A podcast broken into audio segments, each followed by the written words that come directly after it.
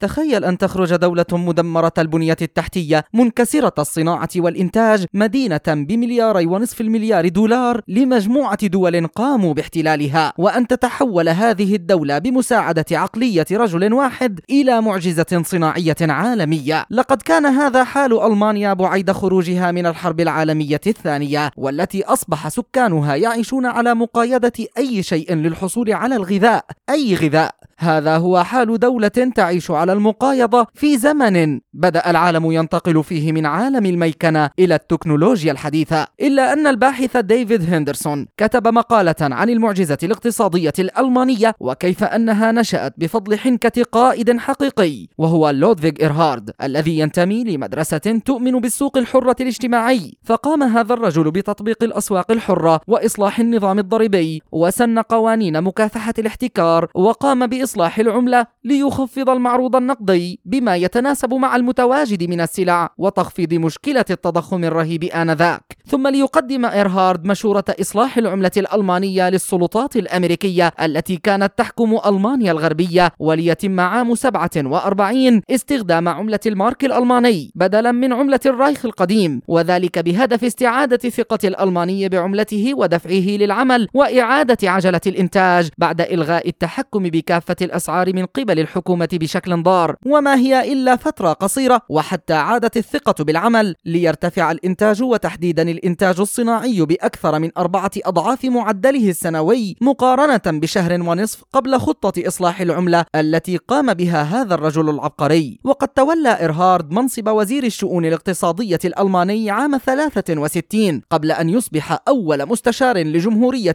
ألمانيا الغربية الاتحادية عام 1966